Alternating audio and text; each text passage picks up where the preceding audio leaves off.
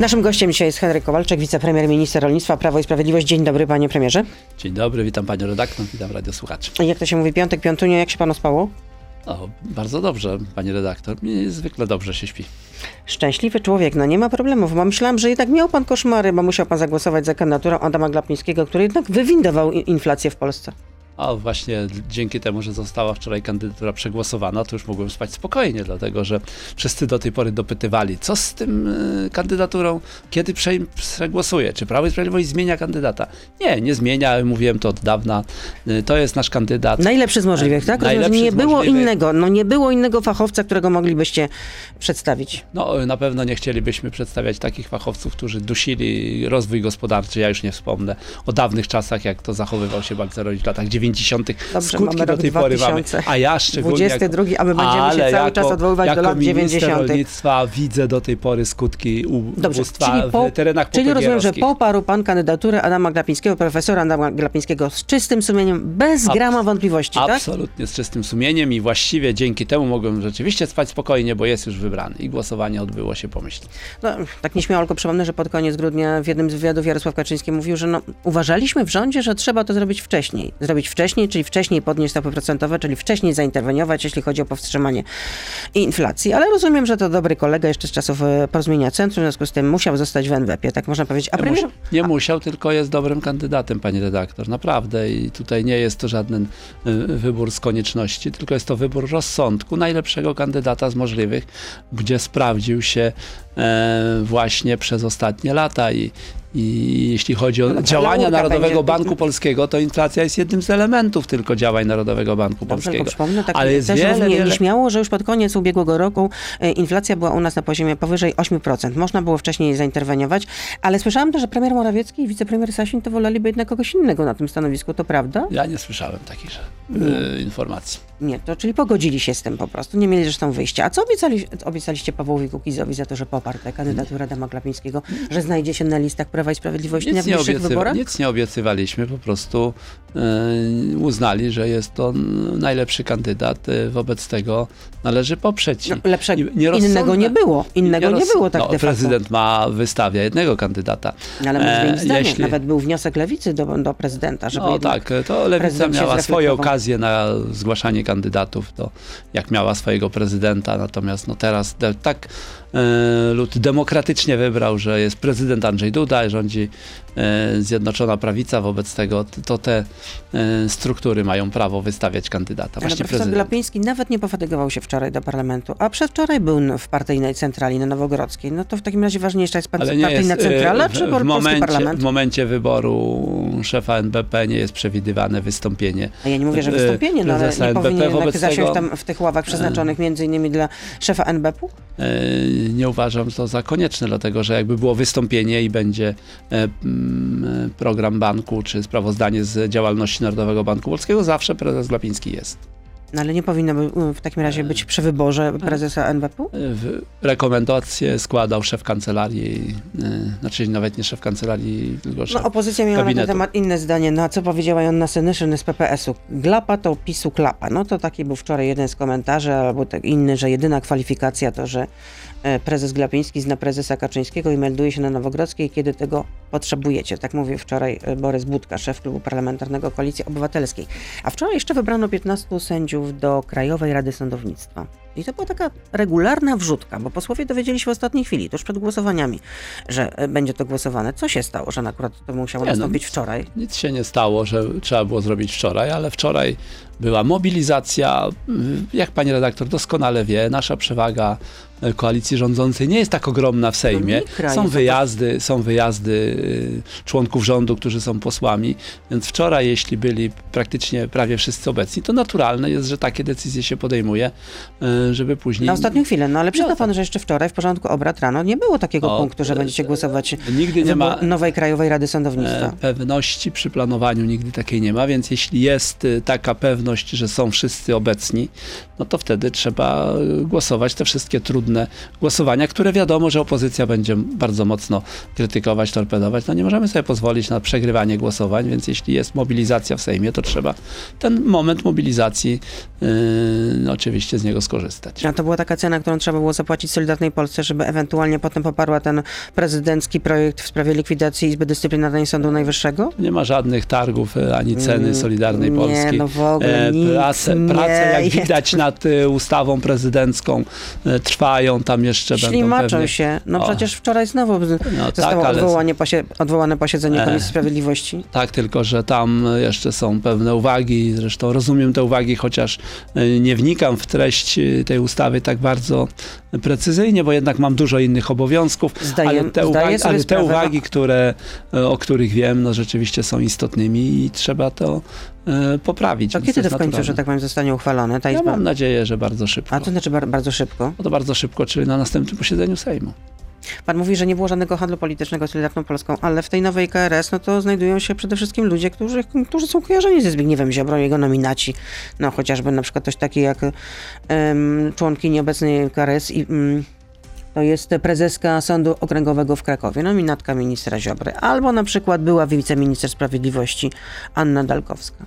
Znaczy y, sędziowie, którzy są z kimkolwiek kojarzeni, nie mają prawa być w KRS, to tak jak y, Nie, to poprzednio, chodzi, no, tylko, czy poprzedni Sejm, sposób nie zauważyć, czy jakie jeśli- osoby tam się znalazły czy jeśli. Platforma Obywatelska wybierała poprzednią KRS, to znaczy, że te osoby nie były kojarzone z Platformą? Były Ale pewnie. Ja mówię tutaj o, Więc tu nie ma żadnej... o osobie Zbigniewa Ziobry, wa- właśnie w kontekście, czy jednak była to cena, którą Prawo i Sprawiedliwość musiało zapłacić za Żadnej- to, żeby ziobryści potem, którzy cały czas kontestują ten projekt ustawy prezydencki, żeby jednak summa summarum ten projekt poparli.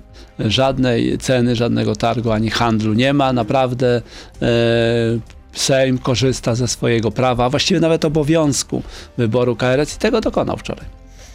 Anna Maria Siarkowska została członkinią Solidarnej Polski. Startowała z waszych list, z listy Prawa i Sprawiedliwości. Zdrada? Znaczy startowała w poprzedniej kadencji, startowała z list Kukiza, później z listy Prawa i Sprawiedliwości, ale z list Prawa i Sprawiedliwości startowali wszyscy członkowie Solidarnej Polski, więc e, no takie... No, ale jest tak teraz by- członkinią, czyli tak rozumiem, były że, ułożone że, że listy. Solidarna Polska teraz będzie mogła się jeszcze bardziej szarogęsić, bo teraz ma dwu, 20 posłów. Akurat 20. Czy, czy ma 20 czy 19, to nie ma to wielkiego znaczenia, więc naprawdę nie, nie przywiązujmy do tego e, żadnej wagi. Pani poseł Siarkowska bywała w, w tu i tu, natomiast startowała z list Zjednoczonej Prawicy i nadal jest lojalnie e, członkiem klubu parlamentarnego e, Zjednoczonej Prawicy Prawa i Sprawiedliwości, więc tutaj nie widzę żadnej, żadnej różnicy. Gdyby odeszła do e, klubu opozycyjnego, no to rzeczywiście Ale nie to zabiegaliście, żeby, i- żeby jednak i została członkinią Prawa i Sprawiedliwości? Nie chcieliście, żeby wstąpiła w E, wasze Ale to szeregi? jest jej decyzja, naprawdę. Dla Ale nas rozumiem, że takie ważne, zabiegi były, tak? Dla nas jest ważne, Ale były żeby... takie zabiegi, żeby... Nie, nie, nie robiłem takich zabiegów. No ja może nie pan, nie ale wiem, inni nie wiem. pana koledzy Nie wiem, z Prawa i były, Sprawiedliwości. Nie wiem, czy były takie zabiegi. Dla nas jest ważne, żeby startując z y, list Zjednoczonej Prawicy, Prawa i Sprawiedliwości, była w klubie Prawo i Sprawiedliwość i tak zostaje. A czy Janusz Kowalski z Solidarnej Polski wróci do rządu? Nie wiem. No takie chodzą słuchy, że ma być to wiceministrem rozwoju, ma być odpowiedzialny za sektor energetyczny. y, naprawdę, naprawdę nic nie wiem na ten temat. Nic zupełnie, absolutnie wicepremier w rządzie Prawa i Gdyby- Sprawiedliwości. gdy- Jeden z prominentów y, tej partii? Ja naprawdę mam dużo innych zajęć. Jakby to był wiceministrem w Ministerstwie Rolnictwa, to pewnie bym wiedział. Natomiast akurat nie w szczegółach wszystkich nie zajmuję się wszystkimi wiceministrami we wszystkich resortach. No to jeszcze zapytam, jaki będzie najwyższy poziom inflacji? Kiedy ten pik nastąpi, pana zdaniem?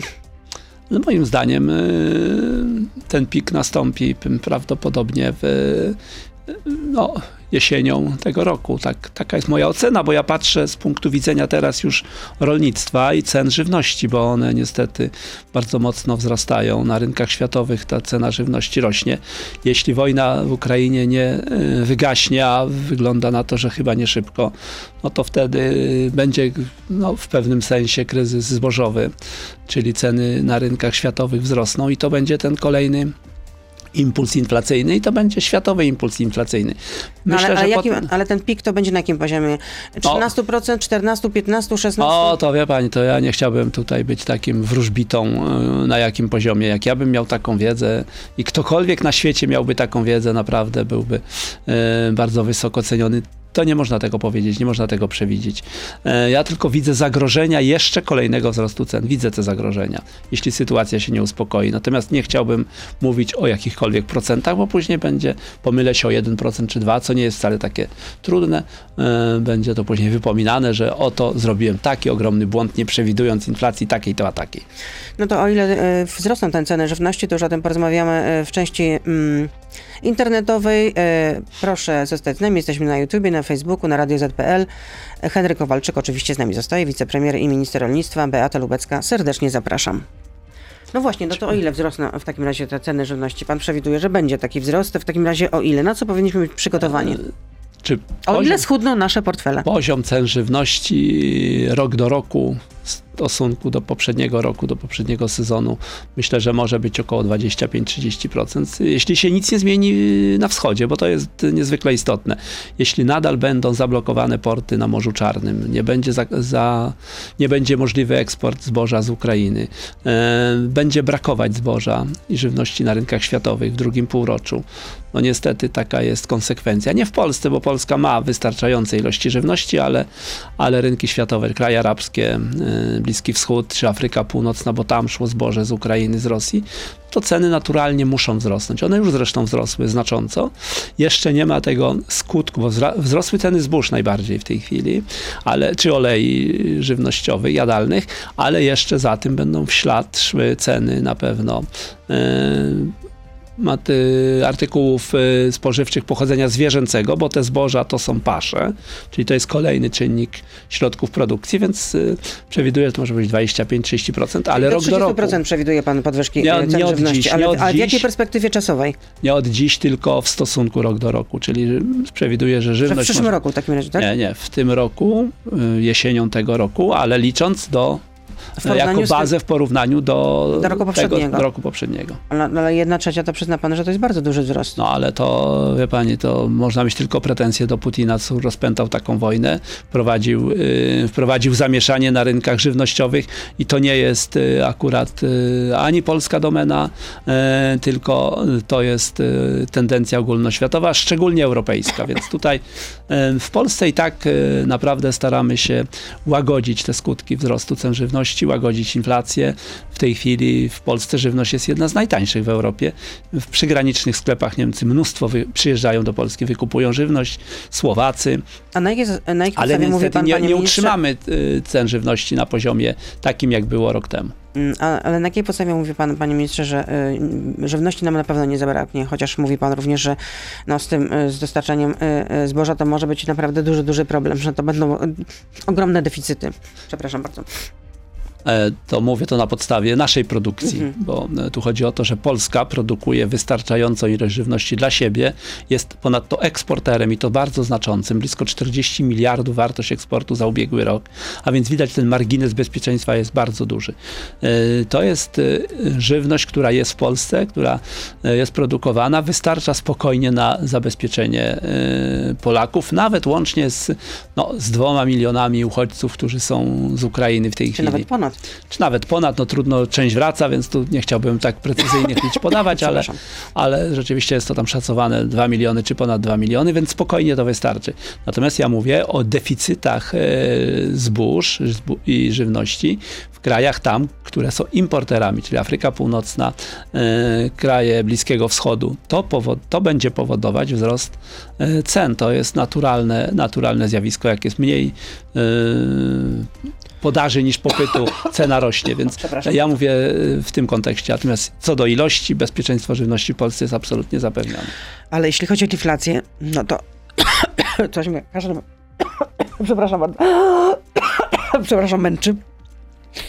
Jeśli chodzi o inflację, to, to miał pan też taką interpretację rzeczywistości w listopadzie ubiegłego roku, pan tutaj w tym programie też.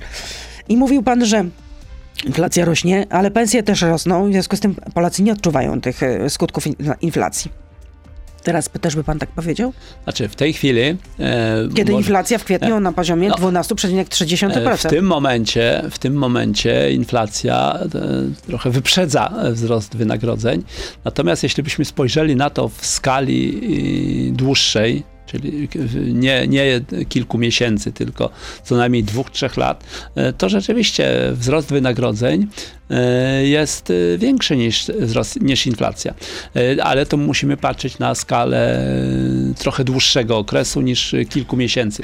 Bo rzeczywiście w kilka miesięcy ja teraz... Ja mówię tylko o ostatnich miesiącach, miesiącach, bo przecież to GUS też podawał, że w marcu przeciętne wynagrodzenie w średnich dużych e, firmach wyniosło tam ponad 6600 zł brutto i to jest o 12,4% więcej niż rok wcześniej, czyli można powiedzieć, że to się niweluje. E, no tak, ale ja bym wolał, Czyli żeby... wychodzimy na zero. E, ale to tak, ale w dłuższej, w dłuższej perspektywie czasu, ja jestem przekonany, jakbyśmy to sięgnęli jeszcze dwa lata do tyłu, to wzrost wynagrodzeń jest większy niż inflacja. Natomiast w krótkim no, okresie czasu... ale teraz wychodzimy na zero w no, związku z tym, no, to, to, są dane no to, GUS-u oficjalne. No dobrze, to powinniśmy się cieszyć, że mimo takiej ogromnej inflacji nie wychodzimy na minus, tylko na zero. Ale to, Więc to no jest dobrze, to. ale to rozumiem, że to są tylko y, firmy y, średnie i duże, no ale generalnie przecież no, to jest, jak się wylicza, no to przy, tej, przy tym poziomie inflacji to tracimy dwie pensje rocznie. E, Jakbyśmy panie, ich nie dostali, e, czy panie, nawet trzy. Pani redaktor, e, inflacja ma to do siebie, bo są różne źródła dochodu, tak? Przeciętne wynagrodzenie w przedsiębiorstwach, to co pani powiedziała i to rzeczywiście jest najbardziej skorelowane z inflacją, bo to jest ten rynek, który pokazuje nam wzrost cen usług i płace. Są, jest budżetówka, która nie nadąża, bo zwykle to się z rocznym opóźnieniem to nadrabia i są emeryci, którzy też z rocznym opóźnieniem mają waloryzację emerytur, bo waloryzacja emerytur emerytur liczy się na podstawie inflacji, która się odbyła, a nie która jest aktualnie, czy która będzie. Więc te grupy społeczne oczywiście z pewnym opóźnieniem, czyli takim są kilka miesięcy do tyłu, ale na pewno tak jest i system na przykład wzrostu emerytur y, jest obliczony także na podstawie inflacji. Oczywiście tej, która się dokonała, więc y, te kilka miesięcy jest opóźnienie, czyli my kroczymy za inflacją w tym przypadku. Budżetówka, emeryci, natomiast no, sfera przedsiębiorstw, no to jest na bieżąco. No, rosną raty, raty też kredytów. Mm, RPP podwyższyło po raz ósmy już stopy procentowe. No, premier proponuje e, wakacje kredytowe, żeby ulżyć właśnie kredytobiorcom, zwłaszcza jeśli chodzi o kredyty hipoteczne. No ale to jest de facto odreczenie problemu na po wyborach. Czy to jest. E, no taka problem, jest prawda. E, problem, bo kredyty trzeba redaktor, spłacać, jak panie, to mówił klasyk, czyli poseł Suski. Panie ale to już będzie po wyborach. Ale pani redaktor, z kredytami to trochę bardziej skomplikowana sprawa, bo tak naprawdę e, kredyty, e, kredyt kosztuje tyle, ile e, trzeba spłacać w danym momencie. Więc faktycznie w tej chwili jest bardzo trudny okres dla kredytobiorców, bo raty im bardzo mocno podskoczyły, bo w części rat, tej odsetkowej, no bo kapitał, jeśli tam zależy jak kto ma kredyt ułostawiony, prawda, albo ma kredyt o równej racie i wtedy w tej części kapitałowej ta część maleje, a rośnie ta część odsetkowa tak zwana, albo ma kredyt o, zmien, e, o zmiennej racie, czyli cały czas spłaca ten sam kapitał, a Y, odsetki jest jak gdyby drugą częścią i wtedy to bardzo rośnie gwałtownie ta spłata kredytu. Więc w tym momencie oczywiście ten czas, kiedy te odsetki są wysokie, to on spłaca dużo tego kredytu, ale ja ufam, że inflacja wejdzie, czy ceny wejdą na jakiś wyższy poziom, się ustabilizują i, i przyjdzie czas spadku Y, stóp procentowych. Wobec tego tak naprawdę to my teraz teoretycznie mówimy o ale tej ja spłacie. Pytam, ale ja pytam teraz o ten konkretny pomysł, o te wakacje A, no właśnie to jest ten, to jest ten które, I tak to będzie po prostu odroczenie spłaty na po wyborach. Na ale po, panie redaktor, właśnie... Przecież wakacje mają obowiązywać już w tym roku cztery miesiące, tak, w roku będzie można zawiesić spłatę kredytu i cztery miesiące w, w przyszłym roku, raz na kwartał. Ale panie redaktor, właśnie po to był mój ten długi wywód, że właśnie trzeba przeczekać i pomóc w tym najtrudniejszym okresie, kiedy odsetki są dużą częścią spłaty kredytu w stosunku do kapitału. Jeśli po okresie, e, jeśli inflacja spadnie, to te odsetki znów w części płaty będą mniejsze niż kapitał i wtedy można zacząć spłacać od nowa. Więc ten okres czasu, on będzie krótki w stosunku oczywiście do e, kilkudziesięciu lat kredytu, no bo to nie jest krótki okres, jeśli chodzi o e, miesiące. Dlatego ten czas jest potrzebny po to, żeby na ten trudny okres pomóc kredytobiorcom. I nie ma to nic wspólnego z wyborami. Absolutnie e, nic. Absolutnie, A, nie, absolutnie nie, nie, nic nie ma wspólnego z wyborami, tylko po prostu pomoc y, w najtrudniejszym okresie czasu spłaty kredytu. A że to akurat jakoś tak się zbiega, zbiega w kalendarzowo z wyborami, no to jest po prostu, no po prostu przypadek. Rozumiem, wybory będą jednak w terminie konstytucyjnym, tak? Nie ma planów, żeby były w innym terminie. Ale to, to tak A o tym rozmawialiście na tym Panie posiedzeniu redaktor, wyjazdowym klubu Panie Prawa i redaktor, jakbyśmy e, mówili, jakby e, to od klubu zależało, kiedy mają być wybory, no to No nie znaczy, klubu, że, nie, to żebyśmy nie to- szanowali konstytucji, naprawdę.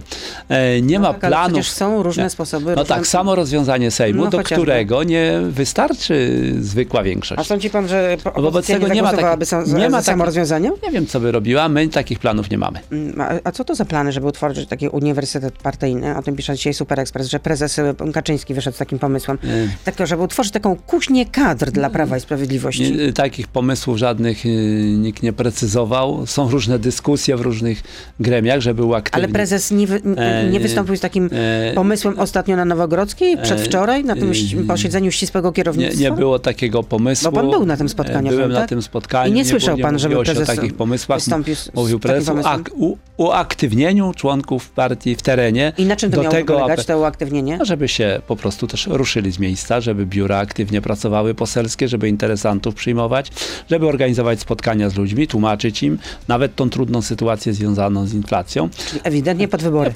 Y, Nie pod wybory, tylko po prostu trochę, y, przyznam szczerze, e, aktywność po pandemii, bo to tak pandemia trochę nas wszystkich przyzwyczaiła do tego, że siedzimy wszyscy grzecznie w domu, nie spotykamy się z wyborcami, no bo pandemia jest tym wytłumaczeniem.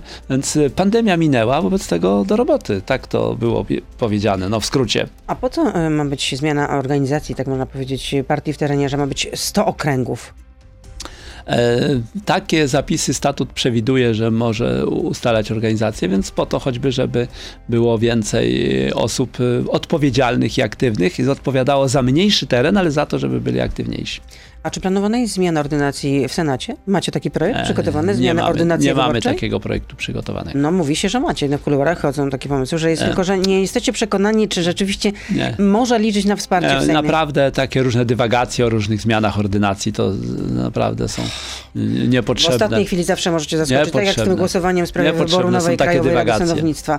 Wracając do tych podwyżek, no bo najmocniej podrożało paliwo mm, i rachunki za energię, a nawet analitycy, jak czytałam, analitycy z biura e, maklerskiego PKO przewidują, że ceny prądu dla gospodarstw domowych w przyszłym roku, czyli w roku wyborczym, mogą być wyższe nawet o 70%. I co z tym zrobi rząd? Jakie będą ceny prądu w przyszłym roku, to się dopiero okaże, bo wiele przewidywań nikt nie przewidział wojny w Ukrainie, nikt nie przewidział cen wzrostu gazu. Ja mógłbym. jak to nikt nie ja przewidział mógłbym wojny w Ukrainie? Przecież już no Przecież tak, wasi, tylko że. Nie, ale to panie redaktor. sojusznicy w listopadzie już mieli No, informować was, No, przekazywać informacje to ale to z- wywiadowcze, mówię mówi- o Stanach ale Zjednoczonych, o mówimy- Wielkiej Brytanii, że Putin redaktor. planuje inwazję na Ukrainę, że chce Panie zaatakować redaktor, ja mówię, w- ja mówię o przewidywaniach na rok do przodu czy dwa, natomiast to nie mówi się o miesiącu czy, czy y, dwóch pół roku. miesiącach. Więc jeśli mówimy o, o przyszłym roku, czyli 23 za rok, Tak. jaka będzie cena energii za rok, naprawdę trudno jest przewidzieć. E, Czy ktoś przewidywał e, dwa lata temu, jaka będzie cena gazu? Nikt, wszyscy, wszyscy przewid, przewidywalni ekonomiści, którzy e, ekspertami są, różne rzeczy opowiadają. Naprawdę trochę pokory i za rok czy dwa trudno przewidzieć. Ja nie chcę No, komentować ale takich, jeśli rzeczywiście Ja tak by się tak, tak by nastąpiło, że, że komentować takich proroc na, na no ale rok czy czy rząd dwa coś z tym zrobi. Jeśli ceny e, za prąd podskoczyły? Pani redaktor, w- w jeśli, taki, a nie jeśli będą te ceny szły do góry, e, to jak do tej pory rząd Prawa i Sprawiedliwości naprawdę aktywnie reaguje na tego typu wzrosty, różnego typu wzrosty, choćby wzrost cen energii spowodowany e, w, poprzednich, w poprzednim roku za wzrost cen emisji CO2, bo to główna przyczyna była, czy te, no tak, energia elektryczna e, w roku 2021 wzrosła z powodu cen emisji CO2. No tak, no ale budżet Więc też trzeba- na tym zyskuje, te pieniądze można było lepiej wykorzystać. E, więc y, to są różne przyczyny i w tej chwili na rok czy dwa do przodu nie przewidujemy przyczyn, nie przewidzimy tych przyczyn. Wobec tego, jeśli takie zjawisko się zdarzy, a może się zdarzyć, bo na świecie zdarzają się różne zjawiska ale to w takim razie ekonomiczne. rząd dzia- działa w ten To sposób, że nie przewiduje, to się może E, wydarzyć Przewiduje różne scenariusze, ale jak ja bym teraz mówił, że zdrożeje prąd dwukrotnie albo trzykrotnie, to bym zachował się nieodpowiedzialnie.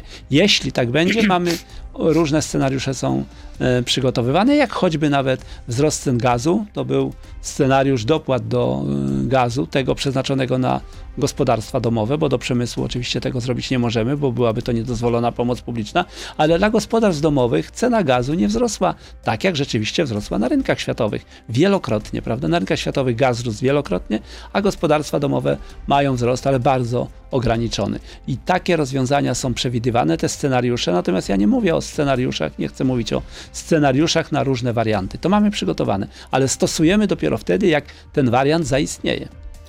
No, chciałabym wtedy to zobaczyć. Pan premier zapowiada to też, że to emisje widać do tej obligacje pory. z oprocentowaniem na poziomie stopy re- referencyjnej NBP, czyli na poziomie 5,25%. Rozumiem, żeby to wzrastało, gdyby się okazało, że stopa zostanie jeszcze podniesiona. A przecież to mówi się, że to nie ostatnia była podwyżka, jeśli chodzi o stopy procentowe, e, podwyżka NBP-u, RPP, przepraszam. No to takie pomysły wcześniej zgłaszała przecież Koalicja Obywatelska, czyli mieli rację, tak?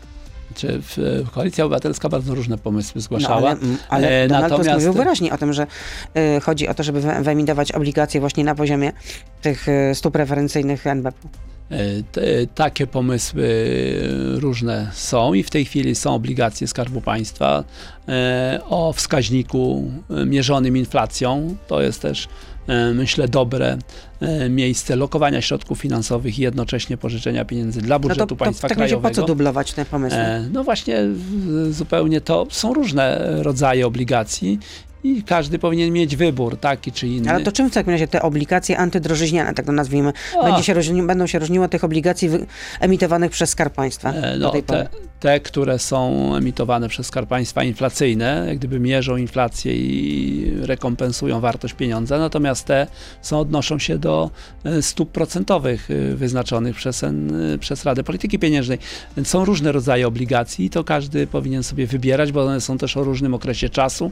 Te inflacyjne to muszą być co najmniej trzyletnie, e, te mogą być o krótszym okresie czasu. Też każdy sobie wybiera, na ile lat chce kupić obligacje, bo to jest jednak zamrożenie pewnego kapitału na określony okres czasu. No tak, ale też chodzi o to, żeby rozumiem, te pieniądze ściągnąć z rynku, a przecież depozyty bankowe są oprocentowane No tak. e, ob- na poziomie śmiesznym. To e, już tak, nawet dlatego też e, obligacje są dobrym pomysłem. Ja Ale uważam, kiedy te że obligacje będą wy- wyemitowane? E, To, on- to, które- o in- którym, które zapowiada premier. Inflacyjne są już wyemitowane, natomiast te, e, które zapowiada premier, myślę, że w najbliższym czasie, ale to Narodowy Bank Polski emituje obligacje. No ale jeszcze pre- premier jeszcze zapowiedział jeszcze kolejne, że zostaną zaoferowane obligacje dwuletnie z dodatkową marszą ponad stopę referencyjną. To od kiedy? Nie potrafię teraz powiedzieć precyzyjnie, bo datę, podawać datę to trzeba mieć już konkretne rozwiązania. W tym momencie jeszcze chyba takich nie ma. A ten nowy wskaźnik, y, który miałby zastąpić Wi- WIBOR, to od kiedy będzie obowiązywać? E, To są wszystko koncepcje, e, a nie projekty ustaw. Więc w ciągu kilku tygodni powstanie, powstaną projekty ustaw i rozwiązania tego typu, i dopiero wtedy możemy mówić o, o pełnych rozwiązaniach i precyzyjnie się do nich odnosić. Na razie mogę mówić o koncepcjach, które opracowało Ministerstwo Finansów. No ale w takim razie, a gdyby pan miał o tym decydować, to od kiedy takie e, rozwiązania powinny, od kiedy ten e, E, nowy e, wskaźnik Gdybym ja miał, powinien obowiązywać, e, ten zamiast wyboru, powinien obowiązywać tych rozliczeń międzybankowych? jak najszybciej, natomiast trzeba zmiany legislacyjne, które No. niestety trwają. To nie jest, nie da się zrobić zmian legislacyjnych w ciągu jednego tygodnia czy dwóch, więc tutaj potrzeba na to trochę czasu. Tym bardziej takich zmian, które mają skutki finansowe. A jak się miewa Polska Grupa Spożywcza po tych dwóch tygodniach działalności? No tak naprawdę to e, Polska Grupa Spożywcza e, w tej chwili jest w fazie zmian rejestracji w Krajowym Rejestrze Sądowym, więc e, Czyli tutaj nie takie- zaczęła działać? E, No, działa, bo firmy, które są w tej krajowej grupie spożywczej już działają, więc to nie jest tak, że nie działa. Natomiast nie ma jeszcze tych efektów takich zewnętrznych, dających e, dodatkowe e, zadania tej grupy spożywczej, ale za chwilę będzie to robić. Tak jak mówiłem, na e, czas na przykład skupu owoców miękkich już będą jakieś efekty. No, ale było też wiele słów takich ocen krytycznych, że to jest pomysł, który właściwie przeczy zasadom y, gospodarki wolnorynkowej. Jeszcze nie zaczęła działać, jak e, pani redaktor widzi, już wszyscy krytykują, no to znaczy, No, że przewidują, jak to może A, znaczy wyglądać. może Nawet się- pojawiły się takie, tutaj o, zacytuję, może się niektórzy... specjalista branży handlowej y, Andrzej Faliński, to A, no wirtualne to- media go cytowały. Towarzysze zbawcy ojczyzny wymyślają przedsięwzięcia, które kierują nas wprost do rozwiązań rodem z PRL-u. Jeśli tak to uważają, to tym bardziej doceniam wartość tej grupy spożywczej. To oznacza tyle, że rzeczywiście grupa spożywcza spełni swoją rolę i będzie chronić przed zmowami cenowymi rolników, przed zmowami cenowymi yy, pośredników, przetwórców, czyli to potwierdza moją teorię, że jest to bardzo potrzebne. E, Ale czy w ogóle nam jest potrzebna taka polska grupa spożywcza, skoro A, Polska przecież ma, ma trzecią nadwyżkę e, w handlu tak. żywnością w Unii Europejskiej? I, I bardzo dobrze, że ma, dlatego, ale rolnicy są niestety wykorzystywani przez przetwórców i e, handlowców. Mogę podawać przykłady przykład trzody chlewnej ze, ze strefy ASF, kiedy były przypadki skupowania od rolników trzodę chlewną za cenę o połowę, a nawet więcej niż połowę niższą, poniżej 2 zł za kilogram żywca, dlatego że rolnicy mieli ograniczoną możliwość wywozu ze względu na strefy afrykańskiego pomoru świń. I wtedy zostali wykorzystywani, przymuszani niemalże przez przetwórców tu będzie wkraczać y, grupa spożywcza. E, czy owoce miękkie? No, panie redaktor, e, rolnicy zebrali porzeczkę, która nie da się przytrzymać więcej niż kilkanaście godzin. Wobec tego jadąc do punktu skupu. Nie była cena ustalona, nikt nie chciał kontraktować jakiejkolwiek ceny. Sprzedaż była po 40-30 groszy, czyli poniżej kosztów zebrania nawet. Za kilogram, tak? Za kilogram. E, wobec, poniżej kosztów zbiorcy absolutnie nie ma nic wspólnego z ceną rynkową, więc w tym momencie będzie e, taka grupa spożywcza wchodzić i ja rozumiem, że to może budzić obawy, szczególnie u tych, którzy na takim zamieszaniu rynkowym, na zmowach cenowych chcieliby się kosztem rolników dorabiać, więc myślę, że tu będzie ta grupa spożywcza no, znaczącą przeszkodą w takim, w takim typu traktowaniu rolników. A jak reagujecie w PiSie na to, że żona y, pana ministra Szejbera zakłada nową partię? Mam dość. Tak się ma nazywać to, czy to się nazywa już tak? Y, no ale ja nie komentuję takich inicjatyw, panie redaktor. No, no, mówię no, no, o poważnych wiem, no. inicjatywach no, politycznych. A, no. czyli dla pana to jest niepoważne, rozumiem, tak? Tak, dla mnie to jest to inicjatywa polityczna, która, no zobaczymy jak będzie y, już Nie wróży pan temu e, sukcesu? Nie, nie, nie, chcę tutaj z nikogo zniechęcać do działalności jakiejkolwiek politycznej czy społecznej, no ale na razie nie mam co komentować. No Marianna Szejber nagrała też e, takie, taki mini spot, można powiedzieć, też mini film. Ale. Zamieściła na Twitterze przed Nowogrodzką i e, ale... mówiła tam, że znajduje się właśnie przed, pod nieformalnym centrum zarządzania krajem bądź gniazdem os. No ale ja nie, nie chcę, proszę mnie uwolnić konieczności komentowania tego typu. No, czy ja bym muszę komentować każde, e, każde no, nagranie no. kogokolwiek, no, mówmy o, o inicjatywach. No ale to wie pan, no, no jednak można się zastanawiać. Rząd w pra... E, no, mąż, przepraszam, mąż w Prawie i Sprawiedliwości, a żona zakłada ale, swoją partię e, w opozycji do tego, co robi rząd. No, skoro mam nie, dość, no to to jest nie, ewidentny nie, taki sygnał, że mam dość, czyli po prostu chcę zmian i to, co robi Prawo i Sprawiedliwość mi się nie podoba, nie odpowiada. Uważam, tak. że trzeba to po prostu zmienić. Tak, e, nie wzbudza to we mnie strachu panicznego przed nową konkurencją polityczną. Pani Robert pyta, prawdą jest, że czternastka będzie wpłacana dużo wcześniej, bo już w sierpniu?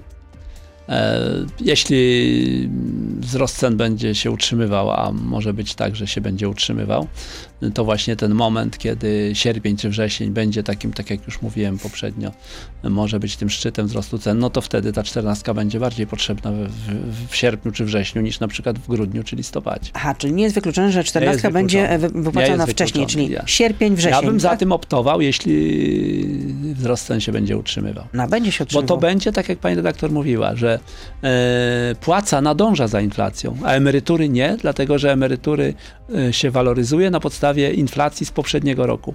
Wobec tego, żeby choć po części nadążać za inflacją, choćby w sferze emerytalnej, to powinno się właśnie choćby wypłacić wcześniej. Nie jestem przekonana do końca, czy, czy, czy płaca y, nadąża za, za inflacją wszędzie. No ale sama pani wszędzie. redaktor zacytowała. Nie, no tak, ale mówiłam tylko o średnich i, większych no tak. firmach, tak. natomiast no, jest jeszcze wiele innych firm, które... No budżetówka jeszcze. No nie tylko tak. budżetówka, no rozumiem, są już jeszcze małe firmki, więc no ja tutaj nie jestem... Ale sama pani redaktor cytowała te wskaźniki, więc ja mówię, że płaca... No to są wskaźniki. Można reagować... No to, są, to co Przy płacach można reagować bardzo Główny Urząd Statystyczny, no sama tak. sobie tego nie wymyśliłam po prostu. No dobrze, no. ale, to, ale to jest dowód na to, co w tej chwili mówię. Płaca w miarę nadąża płaca w miarę nadąża, natomiast rzeczywiście emerytury, waloryzacja emerytur odbywa się na podstawie inflacji z yy, rok do tyłu.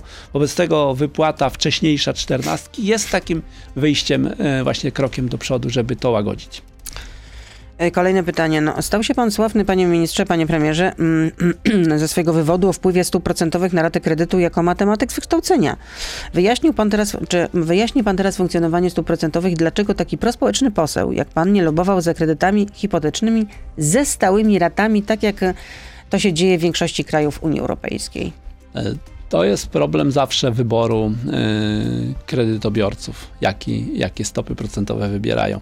Zawsze jest tak, że w momencie, kiedy stopy procentowe są bardzo niskie, a takie rok, dwa lata temu były, to każdy wybiera y, stopy procentowe ze zmienną, czy oprocentowanie ze zmienną stopą procentową, bo tak jest przekonany, że Ale tak pytanie będzie jest, zawsze dlaczego pan nisko. nie lobował za tym, żeby kredyty Ale ja hipoteczne nie- miały stałe ratę, tak ale jak ja- w większości krajów Unii Ale Europejskiej. ja nie mogę lobbować za takimi czy innymi rozwiązaniami. Ale bo lobować to jest oczywiście pewien e, myślowy. No, każdy dlaczego pan nie wniósł takiej inicjatywy? Nie każdy- wyszedł pan z taką A inicjatywą? każdy O. podejmuje decyzję naprawdę na własną odpowiedzialność i we własnym zakresie i patrzy na to wszystko, Ale skoro w większości krajów Unii Europejskiej tak może być, dlaczego nie może być tak A. u nas? No, teraz to wszyscy mówią, że najlepsze byłyby stałe stopy procentowe. Tylko jak e, stopy procentowe zmienne były na poziomie bliskim zera, to wtedy nikt nie myślał o stałych, tylko każdy chciał akurat te czasowe, niskie wykorzystywać. Więc naprawdę tutaj decyzja jest zawsze po każdej stronie obarczona pewnym ryzykiem.